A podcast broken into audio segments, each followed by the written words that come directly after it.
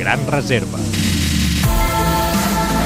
Avui fa 134 anys que va néixer Ed Walsh, un dels millors llançadors de beisbol dels Estats Units i que manté el rècord de carreres netes de tota la història de les grans lligues. Conegut com el Gran Walsh, va debutar als 23 anys amb els Chicago White Sox per la porta gran, tot i que la seva millor temporada va arribar 4 anys més tard, quan va guanyar 40 jocs en un any i va batre el rècord de carreres netes de tota la història de les lligues professionals.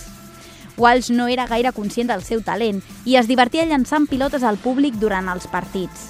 Després d'una lesió al braç no tractada, la seva carrera va començar a decaure.